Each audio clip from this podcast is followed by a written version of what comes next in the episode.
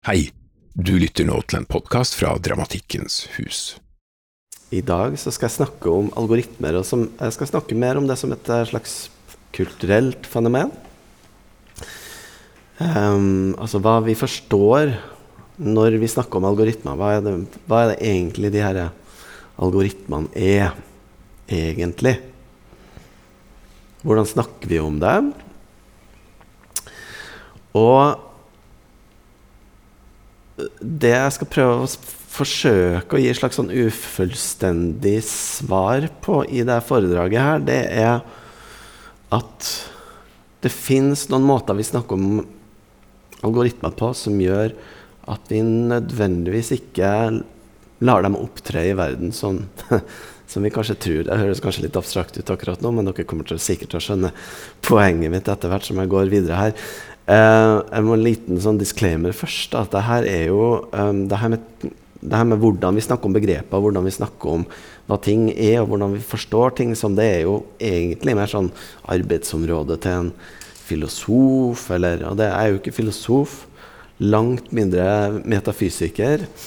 Men, uh, men jeg er kunstner, og jeg jobber med IT-utvikling. Altså Dvs. Si programmering av datamaskiner og roboter osv. osv. Og jeg har gjort det her i kontekst av både kunst, scenekunst, billedkunst og mange andre forskjellige typer praksiser innen kunstfeltet. Så jeg har på en måte jobba med å gjøre um, abstrakte ideer konkret. Dvs. Si gå fra et eller annet kunstnerisk konsept til å skrive det inn i en datamaskin, sånn at det blir kunst. Jeg har også jobba med datamaskiner som har på en måte understøtta en slags sånn kunstnerisk prosess. Sånn at jeg har på en måte kjørt den toveisgata der, i den grad det er en toveisgate. Og det kan jeg vel ikke si at det alltid er. Vi skal starte med et uh, tankeeksperiment. Så Se for deg ei boble. Denne bobla er ikke fysisk, det er mer som en slags sånn tanketing, et slags sånn mentalt objekt. Skal fortelle dere hvordan denne bobla fungerer. Hver gang du forteller noen andre om denne bobla, så ekspanderer den. Det er ikke gitt med hvor mye den ekspanderer, men det som er helt sikkert, det er at den øker litt i omfang for hver gang noen forteller noen om denne bobla. Se for deg nå hvor stor har den bobla her blitt, nå som jeg har fortalt alle dere om den. Og så må dere også tenke på at jeg en gang har blitt fortalt om denne bobla.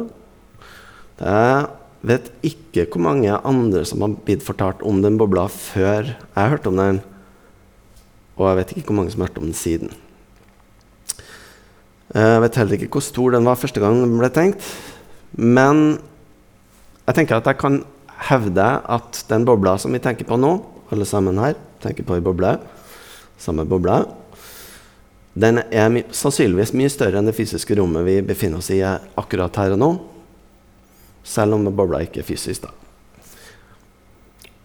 Men det vi kan sikkert si, det er at vi har alle sammen mista kontroll over hvor fort denne bobla vokser. Vi vet ikke hvem som er omslutta av den, og vi vet ikke hva som er utafor. Ok, så Poenget her det hele kommer ned til hvordan en idé om noe utvider seg over tid. Og etter hvert så blir denne ideen til noe mer. Kanskje noe annet enn hva den opprinnelige ideen forsøkte å fange. I mitt arbeid med IT-utvikling står navngiving og konkretisering av konsepter helt sentralt. I teatret så er også navngiving sentralt.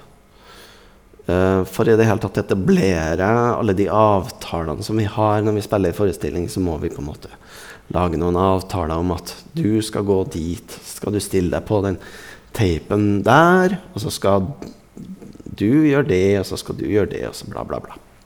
Det er avtaleverket som de ulike teaterforestillinger går i.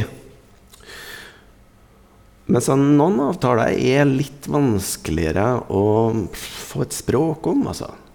noe er liksom basert på noe du fornemmer, en eller sånn type timing som bare på et eller annet vis bare Du bare skjønner, liksom. Og det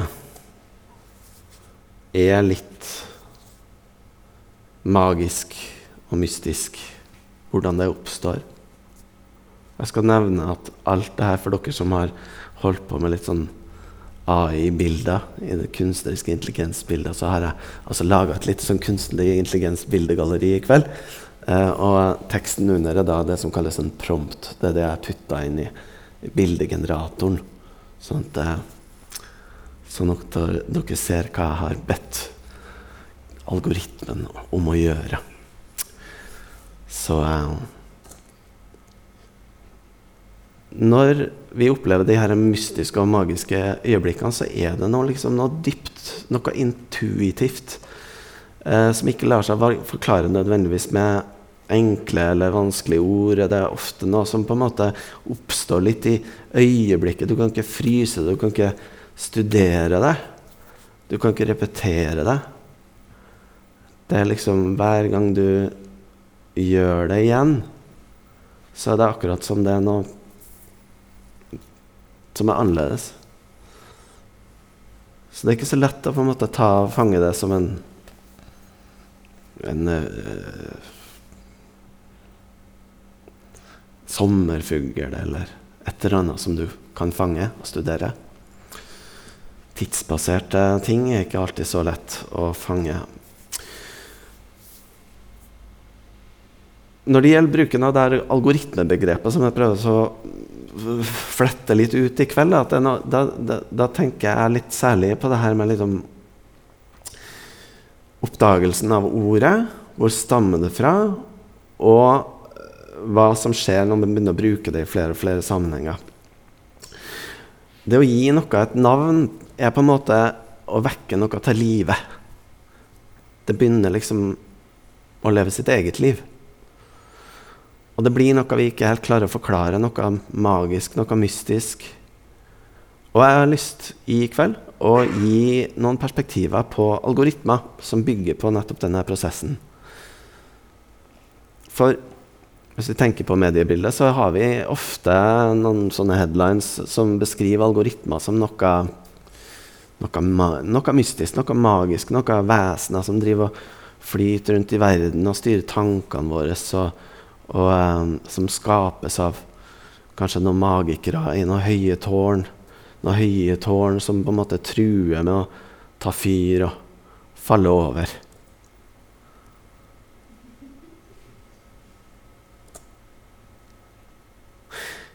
Jeg skal snakke om mytene rundt algoritmene og mytologien rundt dem.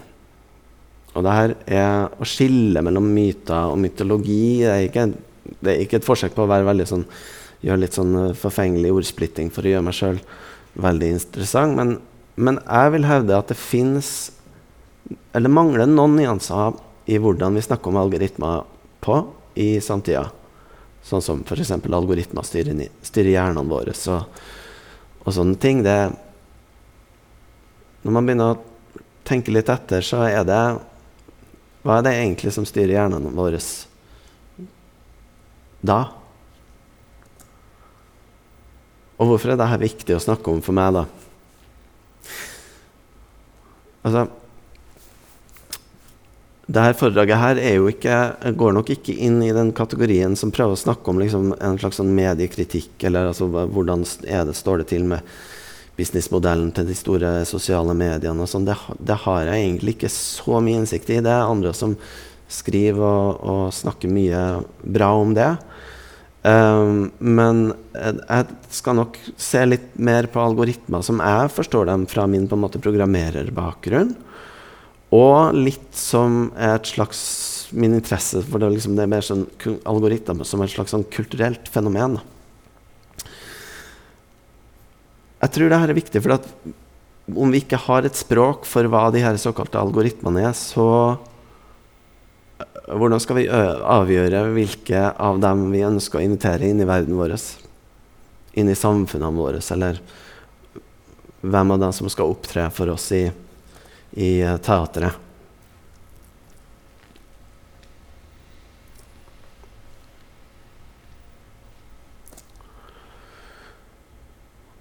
Jeg skal ta og vise et lite filmklipp.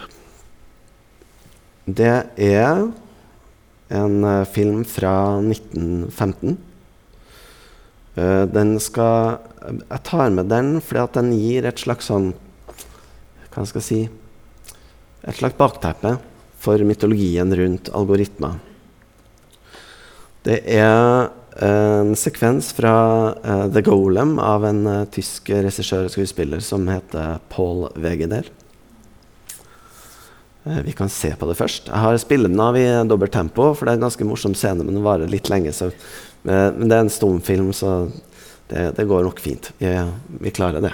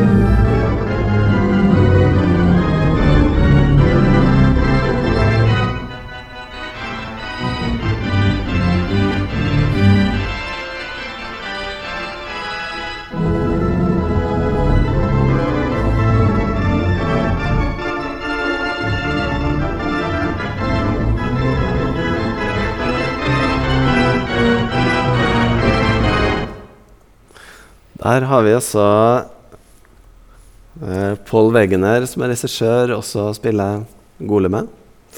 Han, eh, han lagde denne boka her basert på visstnok en eh, bok som Gustav Meyrink skrev med samme tittel. Um, nå viser det seg at det her ikke nødvendigvis stemmer så veldig godt. Og uh, det det er mye med den filmen her som, kan, uh, som nok kan uh, sies at uh, det, det, endres nok på en del historier En del på historier basert på, på den opprinnelige mytologien. Da. Eller folklåren, eller hva det egentlig er korrekt å kalle det. Um, det bygger opp et sett med metaforer som kanskje ikke nødvendigvis kan uh, sies å gå i, i den Prahas jødiske befolknings favør. kan du si. Dette er jo i Praha. Jeg skal gå gjennom en sånn synopsis i filmen, sånn at dere får på en måte gangen i det. Uh, men det er nok greit å ha litt sånn i bakhodet at det, det, det, kan være nyttig å på en måte se symbolikken i, i filmen opp mot den ideologiske utviklinga i Europa generelt på den tida som gikk på en måte i en økende, økende statlig institusjonalisert antisemittisme eh, var eh, en greie i Europa på denne tida. Og det er vanskelig å ikke se denne filmen som en del av det. Eh, jeg skal gå ganske kjapt gjennom et lite sånn synopsis av denne filmen og eh, knytte opp noen symbolikker i konteksten av algoritmer. Da. Og så eh, kanskje peke på noen andre referanser i forhold til den golem-myten. Eh, så eh, filmens eh, protagoni protagonisten her er jo da eh, rabbi Juda Løv Ben Salel. Eh, han er overhodet til uh, den jødiske uh, befolkninga i Praha. På den tida her så var det, som det har vært generelt mot jøder, en, en gjentagende beskyldninger om f.eks. at de tapper blod av spedbarn for å putte det i, i Pesach-måltidet. Eh, de, de, ble beskyldt for å drive på med heksekunst, sorte kunster og sort magi.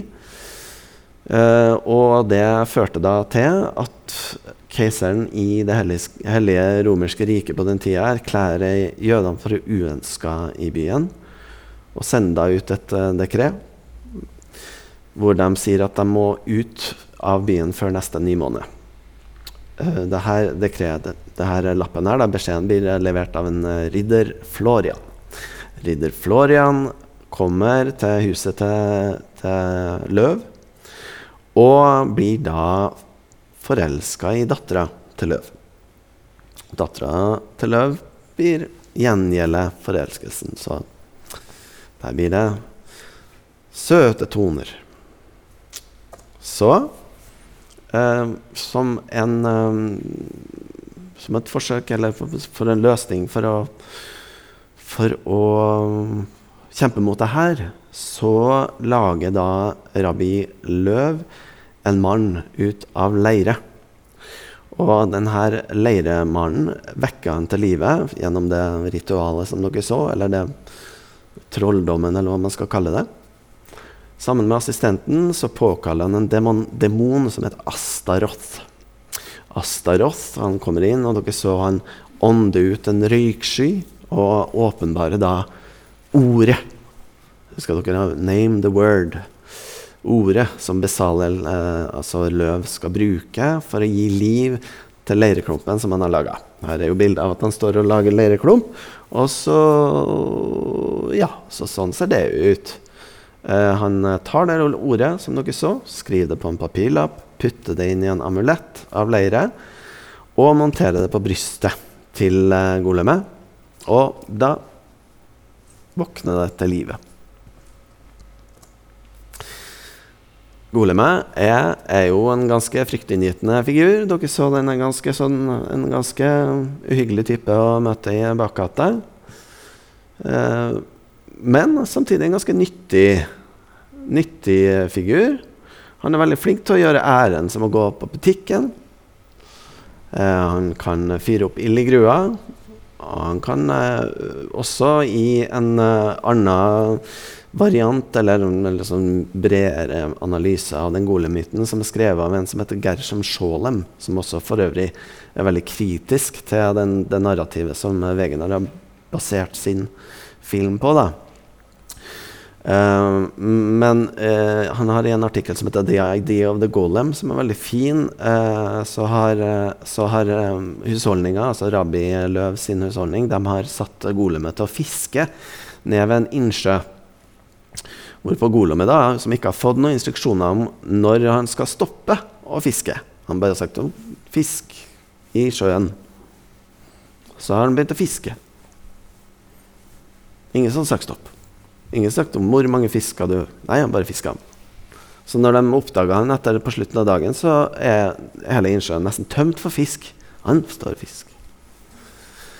Så poenget blir i, med den figuren, da, hvordan figuren funker, er at det her er jo en enorm kraft. Et uh, våpen eller en ressurs. Alt etter hva du bruker den til. Men den gjør akkurat det du ber den om. Og det er jo parallellen til de her datamaskinene som vi jobber med. Det har ofte, Siden jeg jobber med data, så får jeg ofte noen spørsmål om, om at det er noe som ikke funker med datamaskinen. Jeg får ikke til å skrive print ut, eller det funker ikke sånn som jeg vil at det skal gjøre. Så, tenk, altså bruker jeg av og til å si ja, datamaskinen gjør akkurat det du ber den om. den, så Hvis du ikke får til å skrive ut, så er det sikkert for at du ikke har spurt på riktig måte. Det, det, det, så etter det så har jeg fått litt mindre sånne spørsmål om, om hjelp. da. Så det kan være bra triks til, hvis dere er litt sånn i samme situasjon. da. Men um, Altså, alt i alt så Så går jo Det går galt. Det går, dårlig, det går ganske dårlig til slutt i løpet av historien. Han redder jo jødiske befolkninga fra å bli kasta ut av Praha. Men pga. en eller annen sånn type noe sjalusigreier og, og, litt sånne menneskelige ting, da, så plutselig så mister de kontroll over golemet. Golemet går til angrep på dattera til, til Løv. Uh, han holder på Han tar livet av uh, ridder uh, Florian. og i det hele tatt begynner å gå på en skikkelig killing spree, altså. I gata, og folk ligger strødd. Han brenner huset til Løv, og, og ikke minst tårnet hvor arbeidsværelset hans ligger. Det brenner opp, og det styrter i bakken.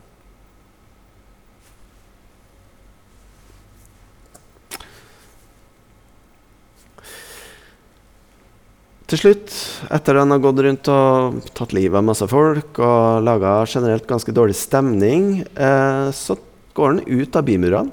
Ut av det området hvor, eh, eller det jødiske kvarteret. kvarteret Der ute skremmer han bort en gjeng med unger som er utafor porten på andre sida. Eh, utenom én gutt. Han eh, sitter igjen. Og Goleme får eh, sansen for denne gutten. Han plukka han opp. Gutten eh, eh, vekker noe i golemet som gjør at det kommer et lite smil i det leirestøpte ansiktet. Det her viser seg å være golemets endelikt. Da, gole, da det her lille barnet da tar amuletten fra brystet til golemet som gjør at golemet da synker død på bakken. Så her får vi altså det, det, det rene lysluggede guttebarnet to the rescue. Og det her er på en måte sluttscenen da, til golemene. Som ligger der på bakken. Kanskje litt vanskelig å se, men den ligger der i gresset. Og alle små, alle små barn sitter oppå den. Og med blomster i håret. Går egentlig riktig så fint, det her. Så når løv danner denne forbindelsen med Astaroth, denne demonen som vi så kom fram, så er han klar over hvilken makt han påkaller seg. Jødene i denne historien her er jo allerede forfulgt bl.a. pga. mistanken om at de holder på med de her mørke trolldomskunstene.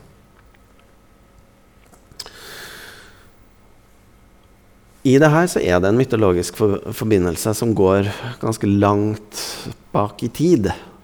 Så Hvis vi ser på det bildet av Astaroth, der, så er det et punkt i den scenen vi så, hvor du ser at det kommer et navn eller et ord. 'Name the words in'.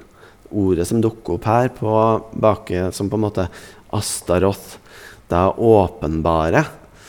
Det er et spesielt ord som, heter, som på hebraisk eh, i filmen her så er det skrevet på latin, tror jeg, men, men emet skrives latiniseres ofte med EMET. Står det abraiske skrifter der, da. Um, Astaroth er jo en demon som ikke nødvendigvis har fått de beste skussmålene opp gjennom tida.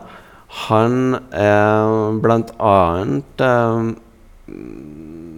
Han er blant annet uh, Hva står det her? Altså, han er av en uh, dominikanermunk som heter Dem Sebastian Michaelis, så er han en demon som forfører mennesker gjennom latskap, dårlig sjøltillit og rasjonaliserte filosofier. Så det vil si at noe som på en måte er tenkt, noe matematisk, noe, uh, noe som har med håndverk å gjøre.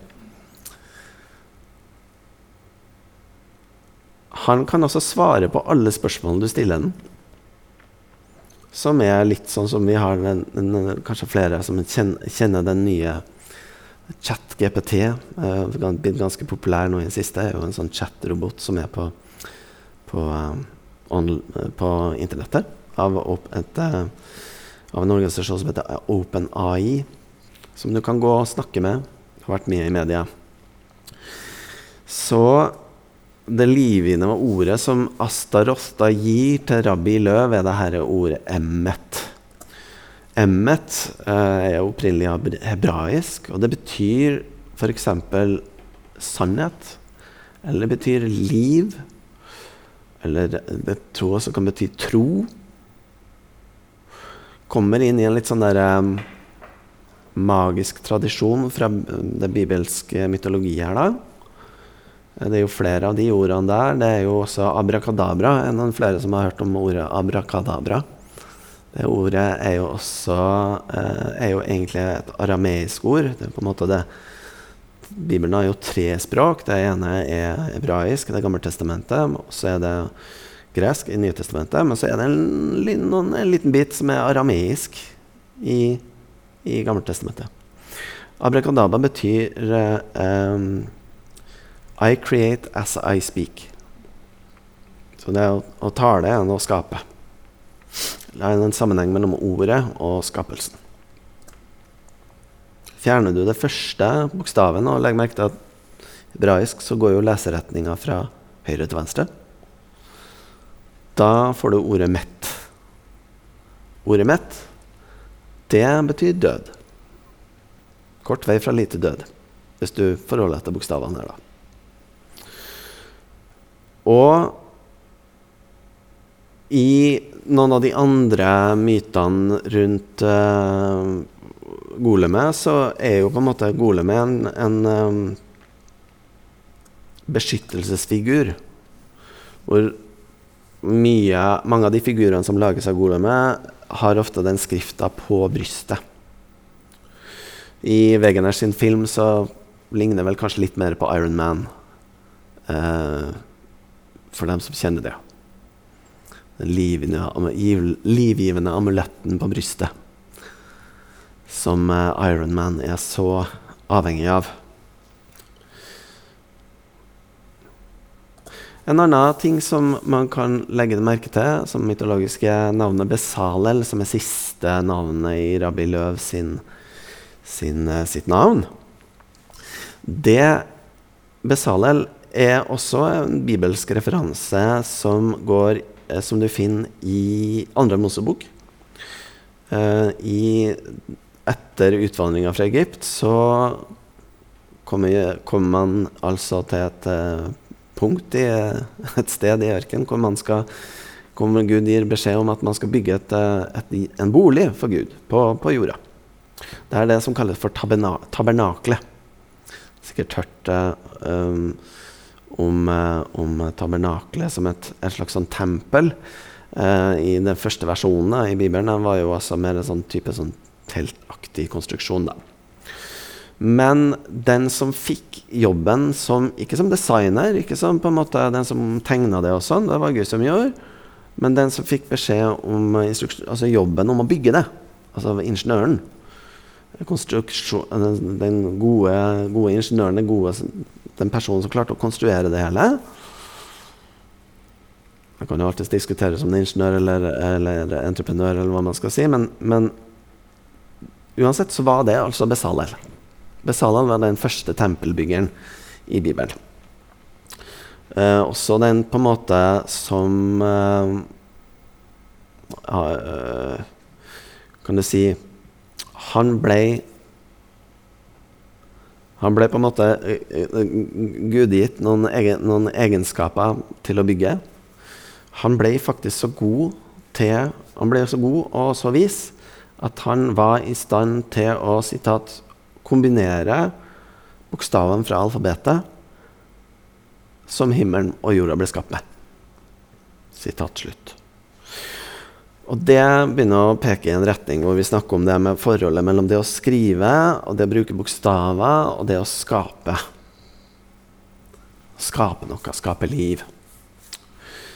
Um, og på den tida her så var jo det, det hebraiske skriftspråket var jo ikke et, uh, et um, skriftspråk som hadde tall. Spesifikke egne symboler for tall, sånn som vi har arabiske tall. Det var ikke, den fantes ikke på den tida. Så ja, hva gjør man da? Da bruker du de bokstavene til å skrive tall. Du bruker det. Første bokstaven er én, andre bokstaven er to, osv. Så, så, så, du bruker det vanlige, bokstavet, vanlige alfabetet til å notere ulike tall. Og det har jo gitt grobunn til ganske mange sånne fancy teorier om hemmelige mønster og strukturer i religiøse tekster, sånn som på en måte god mat for, uh, for ulike typer Hva skal jeg si sånne, sånne litt sånne okkulte praksiser, mystiske praksiser, esoteriske praksiser. I tillegg så kan man også legge merke til at, at det at man skaper liv, at rabbinen Løv skaper liv, er også Hvis man ser på det her med synd, da, så er jo det egentlig en av de større største syndene man som menneske kan begå, er jo å skape liv, eget liv. Det er en form for hybris eller hovmod. Og det derre symbolet med det tårnet som rives ned og brennes ned av golemet, er på en måte en slags sånn profeti der, da. Så det er ganske mye, mye symbolikk, eh, mye mytologi som ligger i det her. Og det ligger mye mytologiske spor da, tilbake til det her Det å skrive og det å bygge og det å, å eh, jobbe med teknologi eh, og mye av den her mystikk- og teknologitradisjonen som vi snakker om her, kan vi spore til bl.a. gresk mytologi, hvor her, guden Hermes, vi har guden Daidalos. Uh, vi har uh, innen den egyptiske mytologien så har vi guden Toth, uh, som jeg har vært veldig opptatt av. Og innenfor jødisk og kristen mytologi så har vi jo Enok, som er på en måte en slags sånn skriver Uh, vi har altså noe som kalles sånn, den hermetiske og okkulte tradisjonene. Det er et Hermes Trismegistos, som er et navn som dukker opp som gjerne er sånn der, litt sånn best of all av alle de her type mytiske folkene. Og, og felles for veldig mange av de her uh, figurene her, da, de mytiske figurene, er at de karakteriseres gjerne med en veldig stor visdom. Uh, av og til litt tvilsom, litt vaklende moral. Og de utvikler og bruker moderne teknologi for sin tid. Og jammen er, er de ikke fantastiske kunstnere og musikere også. Så her er litt av en gjeng. Og et annet begrep man ofte eh, slenger litt på her, det er sånn trikster. Triksteren bruker jeg å forbindes også med denne gjengen der. Altså. Teknologer og kunstnere, altså. Det er en lang tradisjon. Så Grunntanken i denne eh, mystikktradisjonen er at skriftene ikke bare representerer verden, men du kan faktisk forandre verden gjennom å forandre skrifta eller å forandre det du skriver. Eh, Rabbi Løv brøk, bruker jo de ordene 'emmet' og 'mett' til å gi og ta liv. Eh, programmerere som skriver dataprogrammene som omgir oss i infrastrukturene som er i samfunnene våre, også har en, et ansvar eh, som gjør at eh, de i ytterste konsekvens kan faktisk eh, ta og skape liv. Og det er en uformell makt som hviler i hendene på dem som skriver koden som driver samfunnet vårt. Så Derfor har vi en veldig god grunn til å kunne faktisk gå inn og kritisk kunne lese og forstå datakoden som driver samfunnet vårt. I tida framover så tenker jeg at veldig mye mer av koden vi har til å bygge nettsider og, og helseplattformer og hva det nå ikke er, eh, kommer til å skrives mer av datamaskinene sjøl. Og vår jobb kommer sannsynligvis i større grad til å være, være, den som leser det med et kritisk blikk opp mot hva hvordan vi ønsker å styre samfunnet vårt. Uh, så kommer vi tilbake til det spørsmålet. Hva er egentlig de algoritmene? Hva er de egentlig? Så egentlig, egentlig, hva er de? Altså, når jeg sier sånn egentlig, skal jeg liksom ikke få sagt det sterkt nok. Det er liksom sånn, Hva er algoritme sånn egentlig, på den måten at hvis det egentlig er bare det, så er den egentlig ikke noe annet enn bare akkurat den tingen som det jeg mener at det egentlig er. Så sterkt mener jeg egentlig. uh, uh, altså, og, og, jeg tenker jo jeg tenker jo gjerne at det, det er mange måter å, å prøve å, å, drille seg ned til akkurat det uh, svaret en måte å drille seg, en sånn drillerrutine du kan gjøre, da, det er jo etymologien. Etymologien er jo en studie på hvor er det ord på en måte begreper stammer fra. Kommer det fra latin, og så har det gått inn i fransk, og så kommer det inn i engelsk, og så bla, bla, bla. Eller eh, og, hvordan har det forandra seg opp gjennom tida. Det er jo på en måte én måte å nærme seg eh, hva ordet egentlig betyr det er på en måte eh, en etymologi som kommer, går igjen da, ofte når man leser om algoritmer. kommer fra en eller annen persisk matematiker som heter Abu Jafar Muhammad ibn Musa algoritmi. Uh, en filosof som heter Bifo Berardi, ble spurt om det her i et intervju. Og um, han uh, sa rett og slett at uh, han Avskriv den etymologien. Den er vitenskapelig verifisert, men nei, det er ikke en etymologi jeg syns er særlig interessant. Jeg synes mye mer interessant med min etymologi, som er noe helt annet.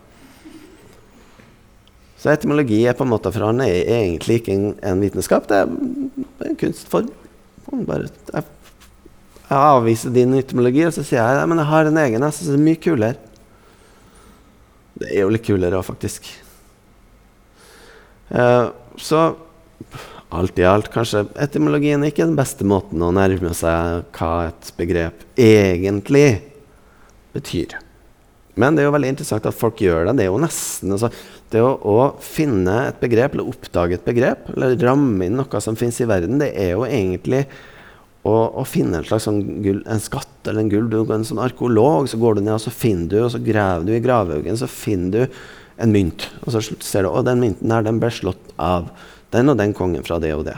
Og da har du både en, gjort en arkeologisk bragd, men det er også et, et, emblem for en tidligere bragd. Nettopp å slå en mynt. Så det, det begrepet 'to coin a term' gir jo noen tanker om at det å finne begreper og definere begreper, sette rammene for hva fins inni begrepet, og da implisitt hva som fins utafor begrepet, det er også en kapital i det som gjør at uh, det å oppdage f.eks. Um, begreper i tida er jo noe som vi gjør når vi skriver, eller hvis vi forsker, eller hvis vi bla, bla, bla.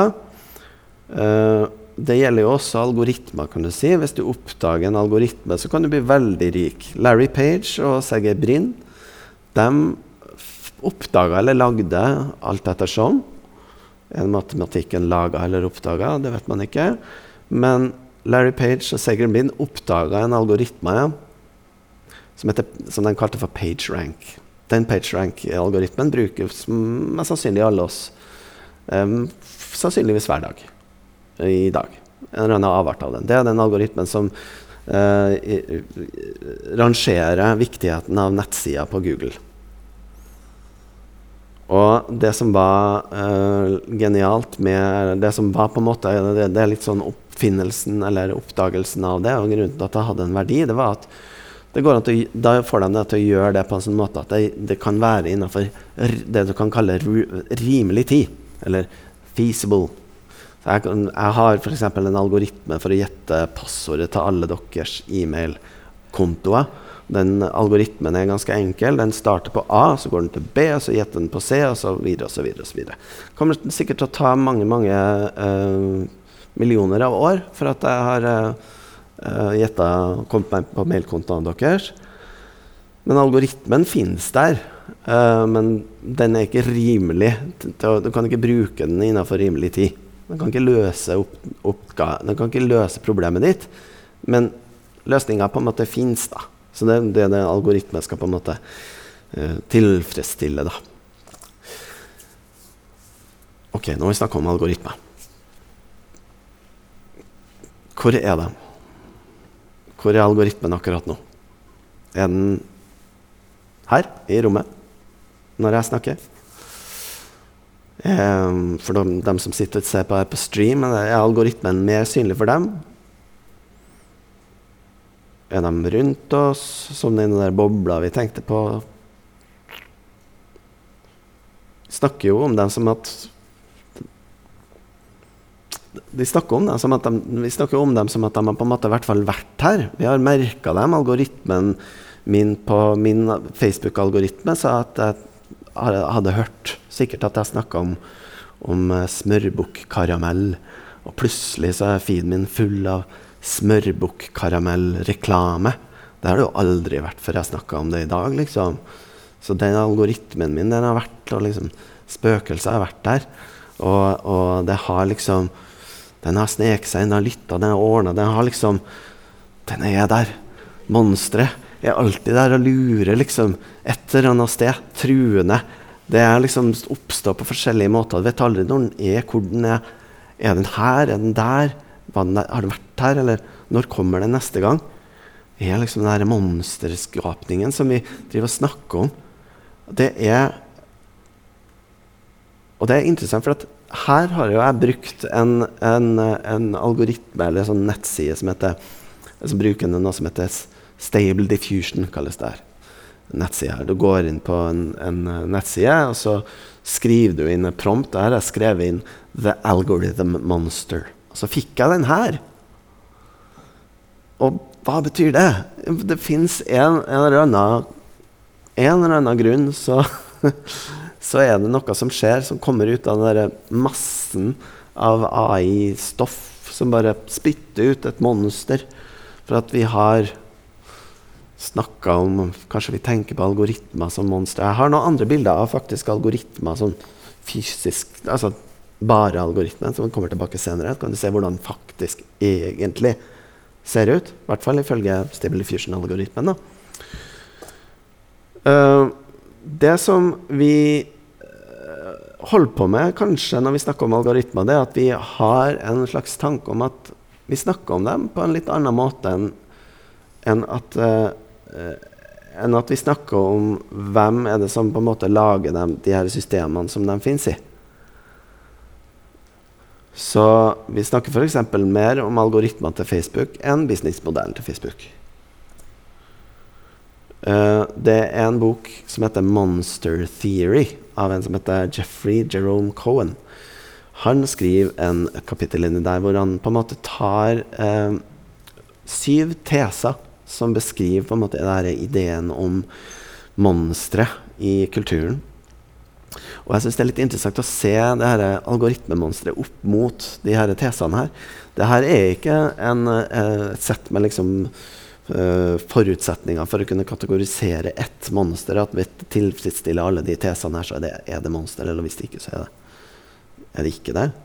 Men det er mer sånn perspektiver på hva er det vi mennesker faktisk gjør når vi hva skal jeg si, monstrifiserer algoritmene. Og et av poengene hans er at monstre altså er en slags sånn kulturell størrelse. Den kroppen til monsteret fins i kulturen vår. Det er vi som har den inne i vårt eh, På en måte vår, vårt stoff. da. Den fødes liksom i den tida vi er i, i kulturen akkurat der og da. Særlig hvis noe endrer seg i akkurat noe en sånn overgang i historien der på en måte ting rives litt ut av sammenheng. Det er en krise eller noe sånt. Og akkurat i de der bruddstedene der så tenker et Cohen at monsteret oppstår. Det kommer alltid unna. Monsteret stikker alltid av. Det, du klarer sjelden å få direkte se liksom monsteret in, in the flesh. Men du ser ofte sporene av den. Monsteret kommer inn i verden vår og forstyrrer liksom kategoriene som vi har etablert i samfunnet vårt. Jeg vet hva et menneske er. Jeg vet hva en maskin er. Og så plutselig kommer en, et dataprogram som skriver like bra tekst som jeg kan gjøre. Ofte like bra koder som jeg kan gjøre. Så hvem er det som på en måte er menneske, og hvem er det maskinen her? Akkurat i um, forskjellene som vi da projiserer på monstre, kan du si, um, de som er forskjellige fra oss Der kan vi gjerne putte de, de uh, mest grusomme fantasiene vi kan ha. F.eks. at det fins en folkegruppe som Eller en politisk fraksjon eller noe som f.eks. Uh, er en incestring som holder på i en pizzakjeller, f.eks. Uh, vi har At et land er fullt av uh, nazister eller kjemper eller altså Kulturen og historien er fullt av de her uh, putte på, på en annen gruppering for å kunne monstrifisere det. De monstre passer også ytterpunktene for hva som er mulig innenfor de kategoriene. I dag har vi jo eh, mye diskusjoner rundt eh, kjønn, kjønnsidentitet, som eh, har en del ganske kjipe konsekvenser for eh, folk som blir eh, kalt for monstre eller avvikere. Eller sånn. det, jo, det er jo heller ikke noe nytt. Det dukker alltid opp, gang på gang. Denne frykten for det der monsteret er det også noen som snakker om at det er også noe som tiltrekker oss. Vi frykter det samtidig som vi er tiltrukket av det. Skape en slags sånn frustrasjon i oss som på en måte vi klarer ikke helt å fjerne oss fra det, men vi klarer helt ikke å assimilere eller identifisere oss med det heller.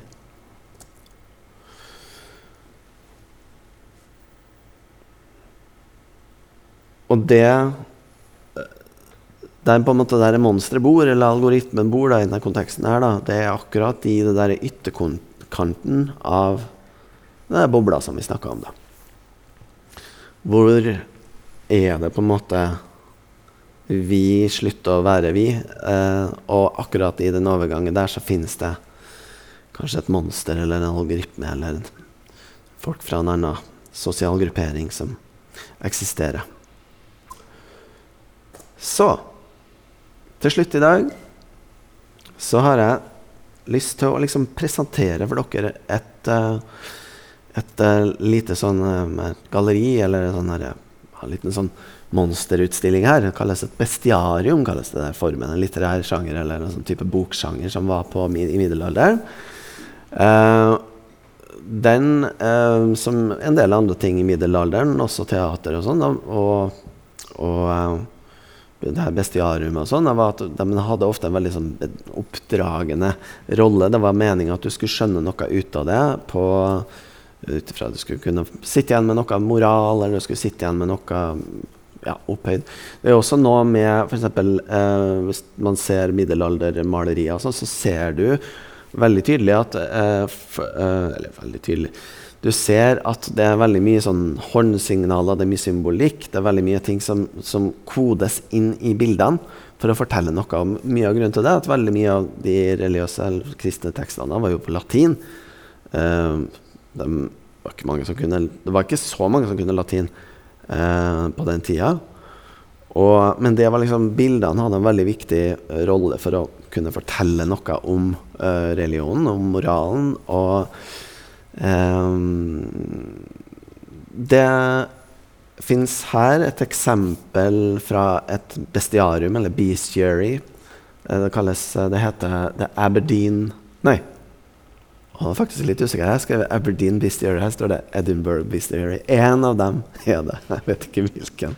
En av dem er det. Men den kommer i hvert fall fra 1200-tallet i England. Det du ser der, det står jo i tittelen under, det er Adam. Første navngiveren. I begynnelsen av uh, første Mosebok så, så, får uh, Adam beskjed i oppdraget av Gud om å navngi alle dyrene.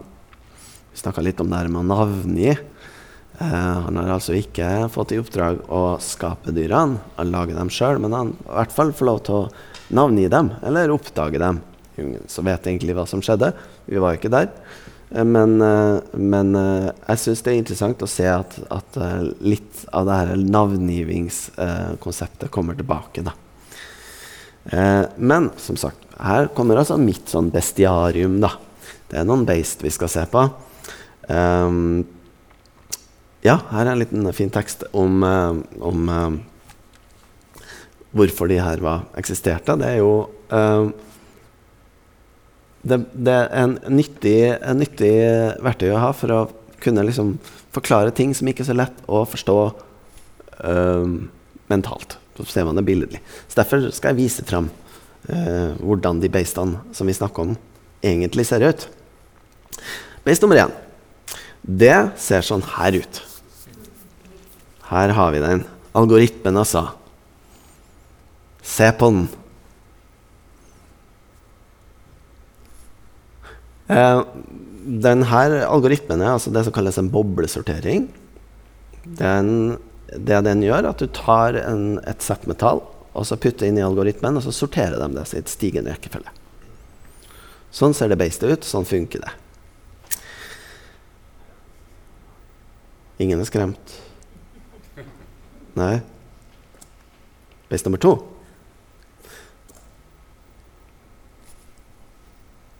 Og ble dere litt skremt, eller? Ikke veldig? Her er også en algoritme. Dette er et, uh, algoritme, en algoritme skrevet i et prog programmeringsspråk som heter brainfuck. Uh, og her har man uh, altså brukt Det denne algoritmen her gjør, da, det, det, er at du kan putte to tall inn i en, en algoritme, så finner den den, den største fellesnevneren mellom dem. Så det gjør den algoritmen her. Sånn ser det, det beistet ut. Den her, da? Samme beist. Samme algoritme, bare annen drakt. Så monsteret dukker opp i forskjellige former. Du vet aldri hvilken form det kommer i. Her er et annet programmeringsspråk. Det heter Piet. Oppkalt etter Mondrian. Piet Mondrian. Du programmerer med å putte farga firkanter i en riktig system. Og basert på en eller annen sånn logikk så klarer den altså denne bildet her også å finne største felles nevner mellom to tall. Samme beist. Her er beskrevet med litt mer sånn vanlig språk. da. Så beistet forskjellige typer forkledninger, oppstandelser. Beist nummer tre. Dere er fortsatt uh, Dere sitter trygt, altså. Uh, det, ikke, det, blir, det, blir, eh, det, blir, uh, det blir Jeg tror vi er over det skumleste. Her er det en, en matoppskrift 100 gram mel, 250 gram uh, smør, ett egg.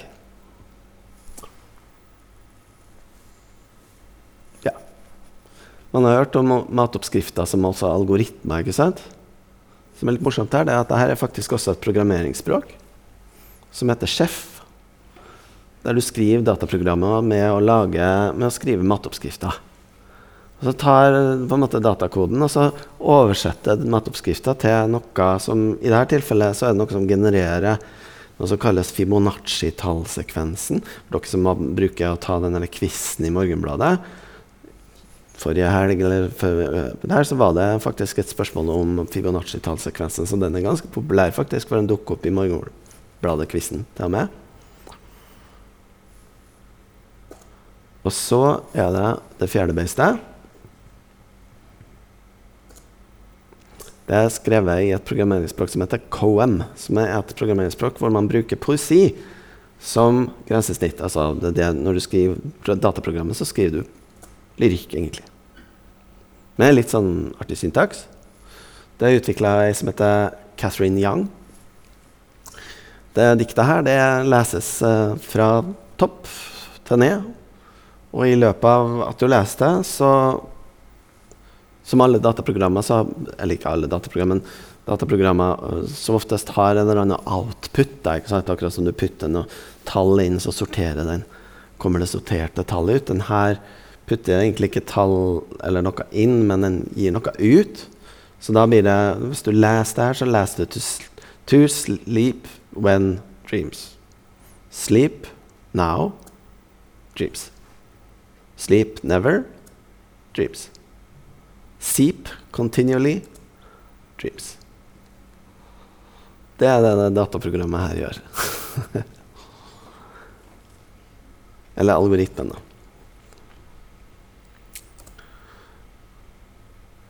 Hvor er det algoritmen opptrer, altså da? Vi har jo noen algoritmer som får lov til å opptre på uh, På um, teatrene våre også. Men hvordan er det de opptrer da? Hvilken rolle er det de oftest får? Det er en, det er en forskjell mellom å, å scenesette en algoritme som et, en eller annen, et eller annet sånn type sånn, En dommer. kommer en algoritme og skal dømme oss. Eller en algoritme som er inne og prøver å forstyrre oss eller stjele tankene våre. Så prøver jeg egentlig å finne på noen ganske kjipe ting som de fleste monstre egentlig gjør. Um, og det er jo et av på en måte, hva skal jeg si, om ikke poengene mine, så er det i hvert fall en ting som jeg syns er interessant å peke på i sammenhengen av denne samtalen her, det er jo, eller talken her, det er jo det at som teaterfolk, scenekunstnere og kunstnere Når vi jobber med algoritmer, uh, og vi jobber med dem fra et sånn teknologisk perspektiv, så er det veldig lett å liksom, jobbe med algoritmer eller teknologi på en eller annen måte. Men hva er det, det vi uh, kulturelt sett behandler dem som? Hvilken rolle får dem? Det tenker jeg egentlig at man kan være litt sånn bevisst på når man jobber med algoritmer og kunst. Teknologien er jo Man snakker jo ofte om teknologien som kun et verktøy som skal mediere noe. eller sånn, Og så snakker man igjen at teknologien har en egen vilje som bla, bla, bla. Men i den miksen der så er det også noen kulturelle størrelser som algoritmene også er, som vi ikke nødvendigvis alltid er like bevisst på. For at algoritmer de er jo egentlig overalt, er de ikke det? Er, er algoritmer i alt vi har, og kulturen vår er algoritmer, og, og bøkene våre er algoritmer, og teater er jo egentlig bare algoritmer, og bank og finans Er det algoritmer overalt? Her er bilde av den algoritmen. faktisk. Jeg sa at jeg skulle vise dere et bilde av en algoritme, sånn som Stable Diffusion ser det. det inni den bobla der, det dere ser der, det er alt det der blå uh, inni der. Ifølge Stable Diffusion da, så er det Sånn ser det ut. faktisk. Det er algoritme. Det beste jeg kunne få. Jeg prøvde ganske mange bilder. Forskjellige sånne prompt for å få ut hva, hvordan en algoritme ser ut. Egentlig alle ser sånn ut. Sånne, sånne nettverk av årer eller lyn eller et eller annet. Det er på en måte bildet kan man si, bildet vårt på algoritmer. Så er f.eks. alle Ibsens verker en algoritme? Er det Går det an å si noe sånn? Vi, går vi litt for langt når vi liksom sier at alt er algoritme? Til og med Ibsens verker er en algoritme det kommer liksom litt an på hvordan du på en måte vinkler det. da. Men uh, her, det er jo et kjent tank tankeeksperiment om at det finnes et uh, Hvis man tenker seg at det finnes et uendelig antall med apekatter som sitter og skriver på en datamaskin, så vil eh, teoretisk sett en av de apekattene på et eller annet tidspunkt skrive ut de komplette verkene til William Shakespeare. Det er altså det, det uendelige bibliotek av Borges, en novelle som sikkert flere har lest, som handler om et uendelig bibliotek ved alle kombinasjonene av bokstaver i de bøkene, eh, er uendelig. Eh, og, og hvor, hvor, tanken også det at det fins Siden all biblioteket er uendelig, så vil det hvert ord i hver bok eh, i det biblioteket ha et annet sted i biblioteket som beskriver det ordet som det mest magiske ordet som fins i hele verden ganske sånn sublim tanke, eller en sånn stor tanke, da. Eh, så Men man kan jo på en måte også hevde Vi vet jo ikke om Ibsens verker er en algoritme eller tilfelle av en. at hvis du tenker at det fins, at vi tar evolusjonen med i betraktninga, så har vi jo på en måte vært Hvis vi er av apeslekt, så har det jo eksistert en apeslektning som har skrevet ut komplette verkene av Ibsen. Og det var jo vitterlig Henrik Ibsen, da. Så måte, forfatterskapet er jo på en måte tydeliggjort. Um, hadde det vært Shakespeare, så er det kanskje litt sånn mer sånn, Der er jo litt mer omdiskutert hvorvidt Shakespeare skrev alt, eller hvem. Men uh, Ibsen er vi litt mer sikre på. Så, så, på en måte så kan vi nesten si at uh, vi kan spekulere, på, spekulere, i det, da. Um, så vi skal få tilbake her nå en, um, en gjenkommer, base nummer én. Gangen her i en ny form. Det er jo fortsatt boblesortering vi holder på med. Bobla er gøy. Det er programmeringsspråket til Shakespeare. Det skriver du eh, med å skrive Shakespeare-aktige eh, dramatisk tekst, så kan du lage et dataprogram som sorterer tall i stigende rekkefølge. Du må skrive et, Dette er bare halvparten av denne koden. da. Men sånn, det her pluss dobbelt det, eh, doble opp det her, så har du liksom mengden kode du må ha for å kunne sortere tall i rekkefølge med Shakespeare-aktig tekst. Så da blir jo spørsmålet er det er algoritmen i teksten. Eller er det algoritmen som produserer teksten? Eh, det er det vi ikke helt klare å bli helt klok på. I hvert fall ikke jeg. Kanskje noen av dere er det. Men øh, det er vel egentlig Skal vi se Skal vi se her. Men det er vel egentlig det, der, det punktet der på en måte Jeg tror at det er egentlig vanskelig å si helt hvor eh, min på en måte grense for hva jeg kan forstå algoritmer for å være Jeg begynner å nærme meg det, da. Eh, jeg har jo fått forståelse for hva algoritmer kanskje kan være, eller hvor de er, eller når de er, eller noe sånt. Men det er veldig diffust. Det er vanskelig å få helt øye på det. Uh, det er kanskje litt sånn av og til så tenker man uh, tenk, Det fins jo et sånn tankeeksperiment om hvis du skal se på intelligens, f.eks., og så ser du ok, hvor uh, bevisst jeg er. Jeg som menneske er ganske bevisst. Jeg vet en del ting. Altså, jeg, jeg, tror jeg er bevisst. Og så sammenligner jeg bevisstheten min med en en meitemark. Og så sier jeg at ja, men den, er den bevisst, eller sånn. Men dens bevissthet og min bevissthet er ikke nødvendigvis så lett å, å fatte. da. Eh, så hvis det fins en bevissthet som er større enn oss, så er det også nok vanskelig. Vi klarer ikke helt å fatte helt hva, hva det er. Så det, det, går litt sånn inn og ut i hverandre der. Men, men det som hadde vært fint, hvis, skal, hvis jeg skulle klart å komme til en eller annen tydelig definisjon av hva en algoritme er, så hadde det vært mye lettere om det var, om det var et litt sånn lydigere begrep. Algoritmebegrepet oppfører seg ikke så, så forutsigbart. Eh, hadde vært mye lettere om det var f.eks. begrep som en målenhet som meter eller ampere eller volt eller Da hadde det vært litt lettere å, å lage distinksjoner.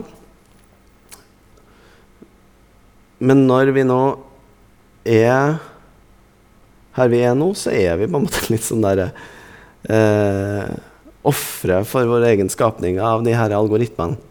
Begrepet har på en måte fått leve sitt eget liv og utvikle seg egentlig litt på måter som vi ikke har kontroll over lenger. Uh, vi vet ikke hvor det algoritmen starter, og hvor den slutter. Selv om vi har både etymologiske forklaringer og sikkert mange andre typer forklaringer. Vanskelig å si helt sikkert. Men vi får uh, i hvert fall uh, forholde oss til den som best vi kan. Og gi den en klem. Og la den få lov å opptre i teatret, kanskje som noe annet enn et monster, kanskje til og med. Det var egentlig det jeg skulle si i dag. Jeg tror jeg klokka inn på en ja, innafor. Takk for meg. Du har hørt en podkast fra Dramatikkens hus.